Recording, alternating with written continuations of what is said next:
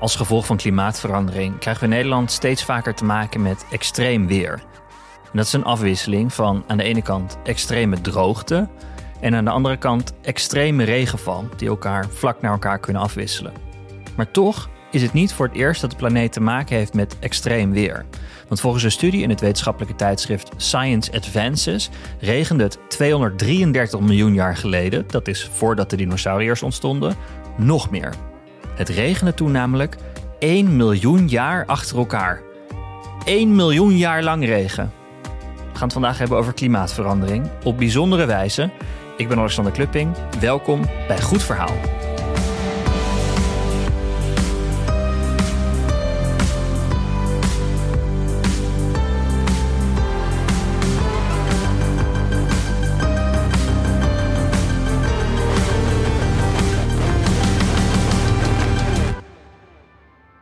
Goed Verhaal kiezen we elke week de beste verhalen voor je uit en geven we ruim baan aan talentvolle makers. En er staan al tientallen afleveringen van deze podcast voor je klaar.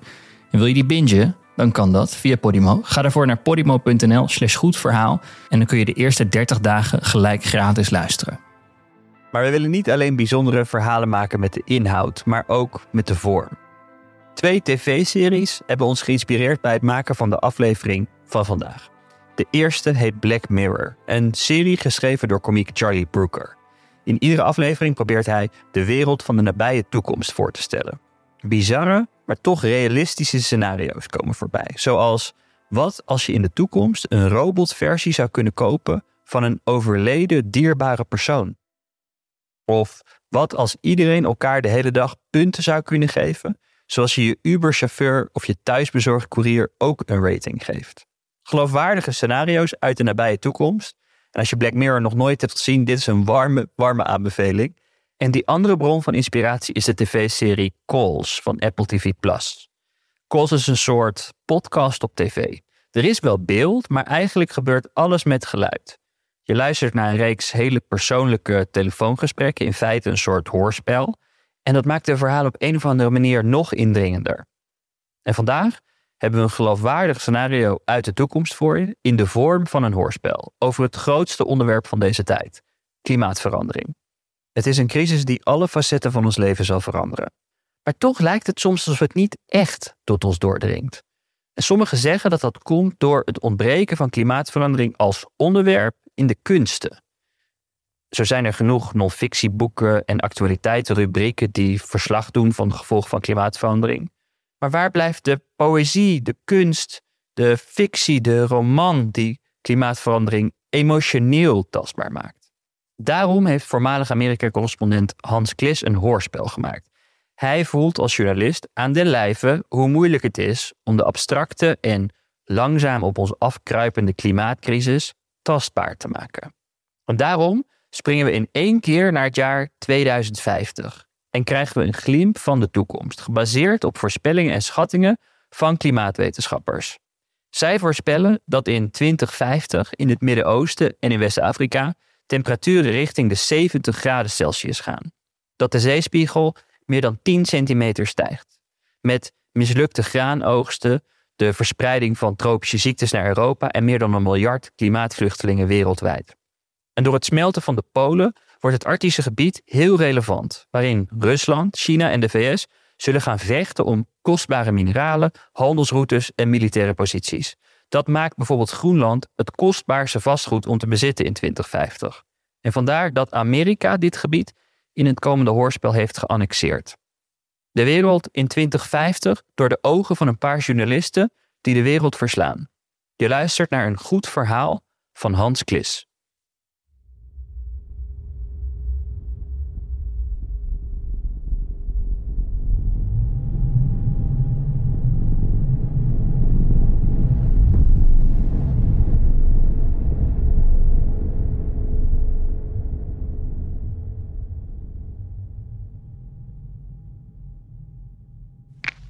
Ha, Raffia. Met uh, Koen van Productie even snel. Mhm. hey, uh, over twee minuten ben je live. Oké. En oh ja, uh, na je stand-up belt Thomas je ook nog even. Dus hou je telefoon in de gaten. Yes.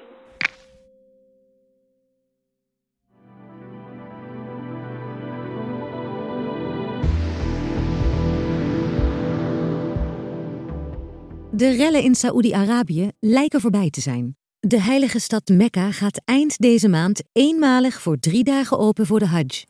Dat beloofde koning Mohammed bin Salman vandaag in ruil voor de terugkeer van de rust in het land. De religieuze pelgrimstocht werd twee jaar geleden verboden vanwege het grote aantal hittedoden die er jaarlijks vielen. Ondanks het verbod trokken begin augustus meer dan een miljoen pelgrims uit omliggende landen illegaal de Saoedische grens over.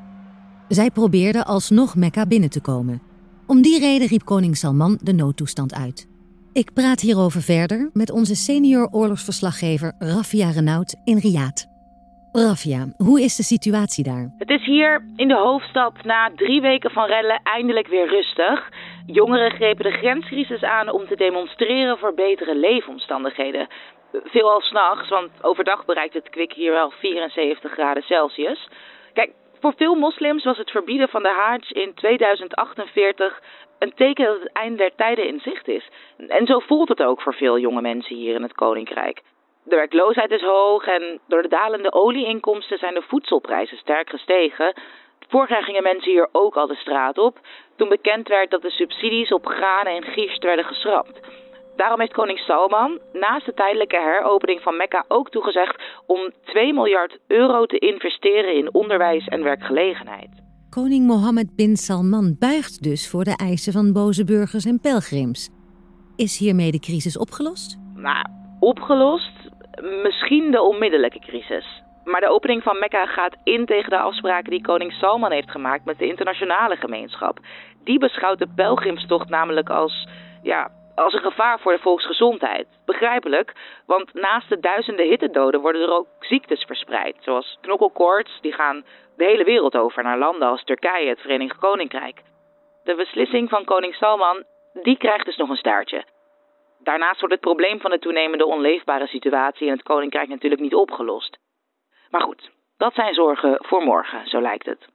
We houden de situatie in de gaten. Dank aan onze oorlogsverslaggever Rafia Renaud in Riyadh.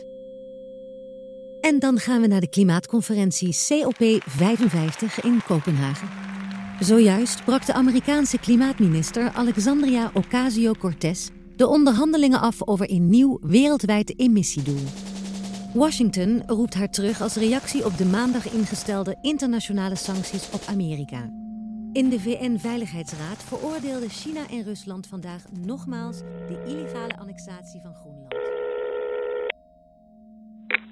Hallo? Met Thomas, Thomas Benali. Hey Thomas, hoe gaat het? Goed werk daar in Riyadh. Ben je veilig? Oh, uh, werkt de koeltent trouwens? Nou, die koeltent werkt niet lekker hoor. Tenminste, niet in deze hitte. Tijdens het filmen was het er alsnog een graadje of 50, denk ik. Nou, het kostte in ieder geval een fortuin.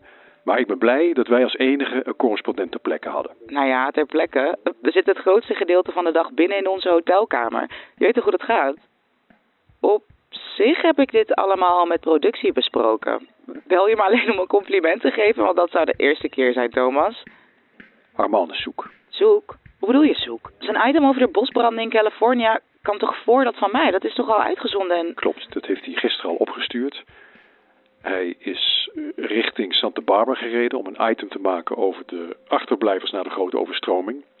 Heb ik hem overigens verboden, maar je kent hem, hè? je weet hoe die is. Ja. Ik kreeg gisteren nog een voicemailbericht van hem, maar dat werd onderbroken.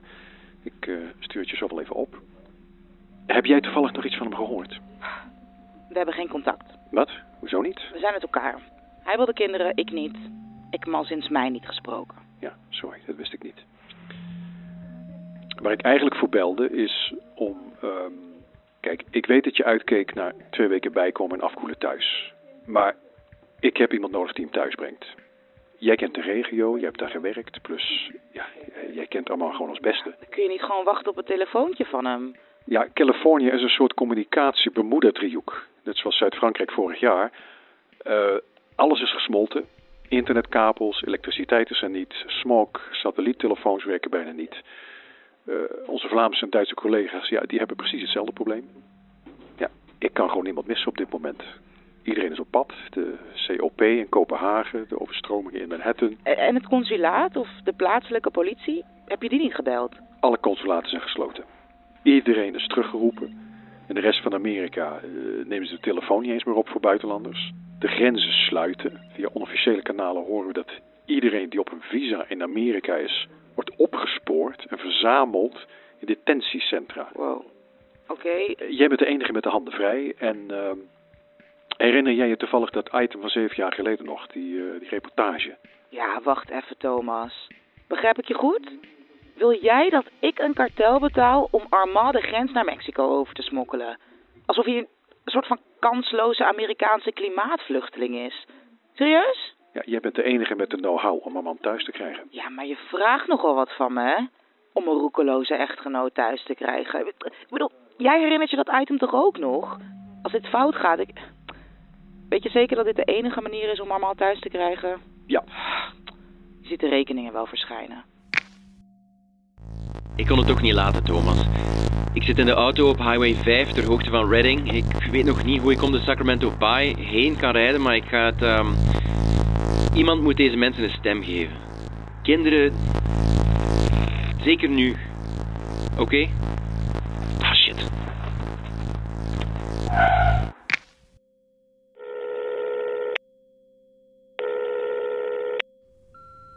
Hey, Armand, ehm, met eraf. Thomas probeert je al een dag te pakken te krijgen. Ze maken zich zorgen in Hilversum. Ik hoorde je bericht.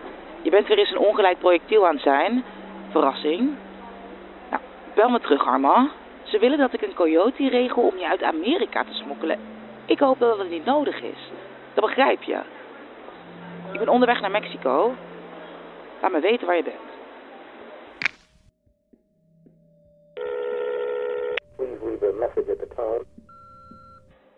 Hey, met mij. Weer. Ik, eh. ik sta in Nairobi te wachten op mijn overstap naar Amsterdam.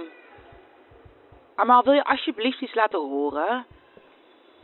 Sorry dat ik net zo boos was. Hoe belangrijk is dat verhaal in Santa Barbara nou eigenlijk echt? Het is toch niet de enige plek waar mensen in nood zijn? Trouwens, jij zegt altijd dat ik voorzichtig moet zijn, maar kijk jou nou eens.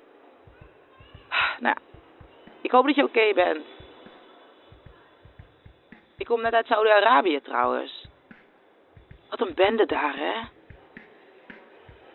Over bende gesproken. Het is hier een chaos. Het lijkt alsof iedereen tegelijkertijd het land uit wil, joh. Ik ga maar eens in de rij staan, anders kom ik nooit bij mijn gate. Goed, ik, hoop over een paar uur in Amsterdam te zijn. Shit.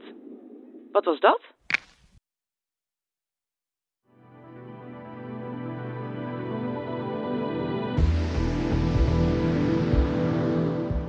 We hebben onze correspondent Raffia Renaud aan de lijn vanuit Nairobi.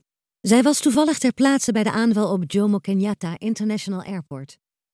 Bij deze aanslag door strijders van het kalifaat van de grotere Sahara vielen al zeker twintig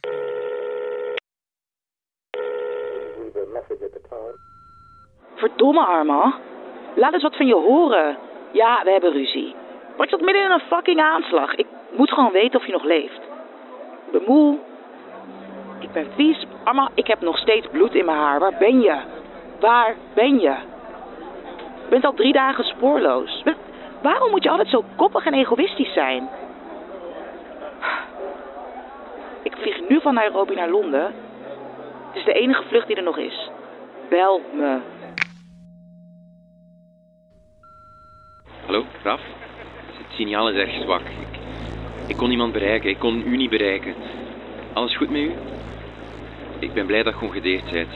Het spijt mij dat je mijn kant uit moet komen. Ik, ik weet dat je mij liever niet wilt zien na... Sorry. Ik weet hoeveel moeite je nu doet om mij te helpen. Allemaal omdat ik nog zo nodig naar Santa Barbara moest gaan, maar... Raf, het was het waard. Die mensen in die shantytowns, die kinderen, wat een veerkracht. Ik had erbij moeten zijn. Zijn de grenzen echt dicht? Ja, ik hoor allemaal geruchten, buitenlanders die opgesloten worden in detentiecentra. Is het echt zo erg? Ik moet hier weg, hè. De grens met Mexico is mijn beste kans. Canada is te ver weg. Maar het moet liftend. Bij Santa Barbara kwam ik terecht in een modderstroom na een fikse regenbui. Laat Thomas het maar niet horen.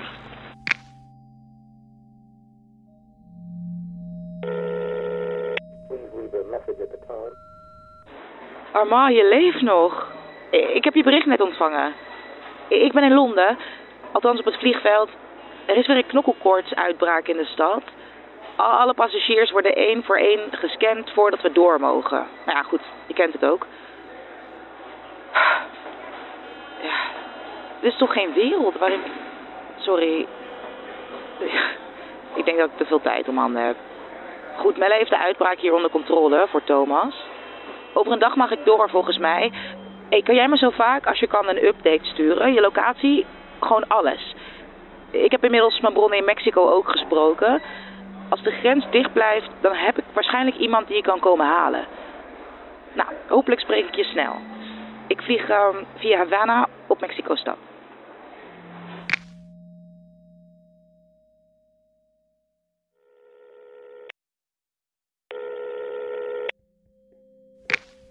Raffia, Ja, met mij. Ik ben in Londen.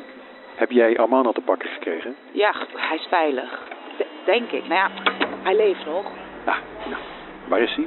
Hij was in Santa Barbara en hij is nu op weg naar de Mexicaanse grens. Liften. Wat? Nou, de verzekeraar viert feest als hij dit hoort. Eh, weet Armand wel dat het grenspot dicht zit? Niemand gaat er meer in of uit, hè? Ja, dat weet hij. Eh, hey, ik, ik vlieg zo via Havana naar Mexico. Daar ontmoet ik mijn contact. Eh, Thomas, vertrouw je mij? Nou, hoeveel geld heb je nodig? Drie keer zoveel als toen gangbaar was. De muur is alleen maar hoger geworden. Ja, oké. Nou, zolang je mij iedere dag laat weten waar je bent, met wie je bent en waar je naartoe gaat. Yes. Nou, pas goed op jezelf. Ik weet dat dit niet alleen maar werk is. Hè?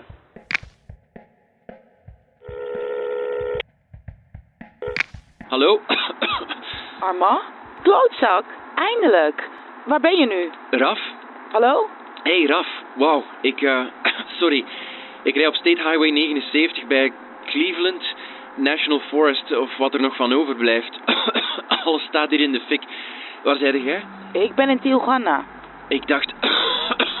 oh, ik dacht dat je nog in Havana waart. I- iedereen die geen Amerikaan is, die mag gewoon door. Ik kreeg een tekstbericht. Dichter bij de Mexicaanse grens heb ik eindelijk weer bereik. ik denk niet dat ze mij doorlaten. De politie weet dat ik in Santa Barbara ben geweest. Shit. Word je gevolgd? Nee, ik weet het niet. Ik, ehm, ik denk, nee. Ik heb mijn koeltent en mijn laatste dollars geruild voor een oude pick-up. ik zie eruit als een Amerikaan met een doodswens. Het is hier complete chaos. Overal rijden mensen op de snelweg. Ik ben volgens mij de enige die richting het vuur rijdt. Shit, hé. Moet ik naar de grensovergang bij Tijuana rijden? Nee, absoluut niet. Dan rij je zo in de armen van het leger. Je moet de laatste afslag naar Highway 94 naar het oosten pakken. Bij de ingang van het natuurpark parkeer je auto. Ik stuur je zo de coördinaten. Oké. Daar ontmoet je iemand. Die helpt je verder. Is het veilig? Dit is het beste wat ik kon regelen. Thomas wil je daar zo snel mogelijk weg hebben en terug in Hilversum. Ik ben blij dat je er bent. Stuur mij waar ik moet zijn.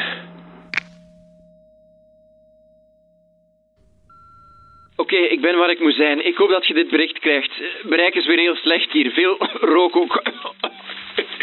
Ik zie helemaal niets. Ik moest omrijden vanwege een militair. Ik zie iemand. Volgens mij. Hello? Hola? Are you here to help me across the border? La frontera? Hey, hey, wacht, stay back, stay back. Ik moet mijn telefoon geven. Just give me a moment. Ik ben...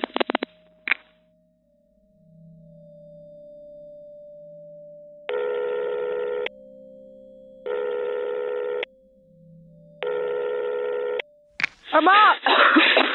Hallo, Arma! Waar ben je?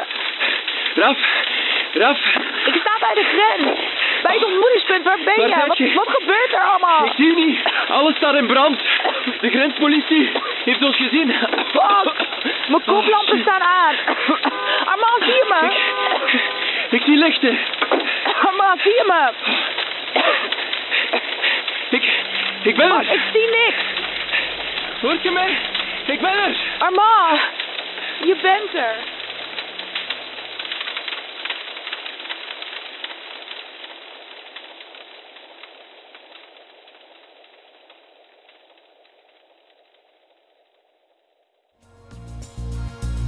Scenario, productie en montage waren van Hans Klis. Sounddesign met Epidemic Sound.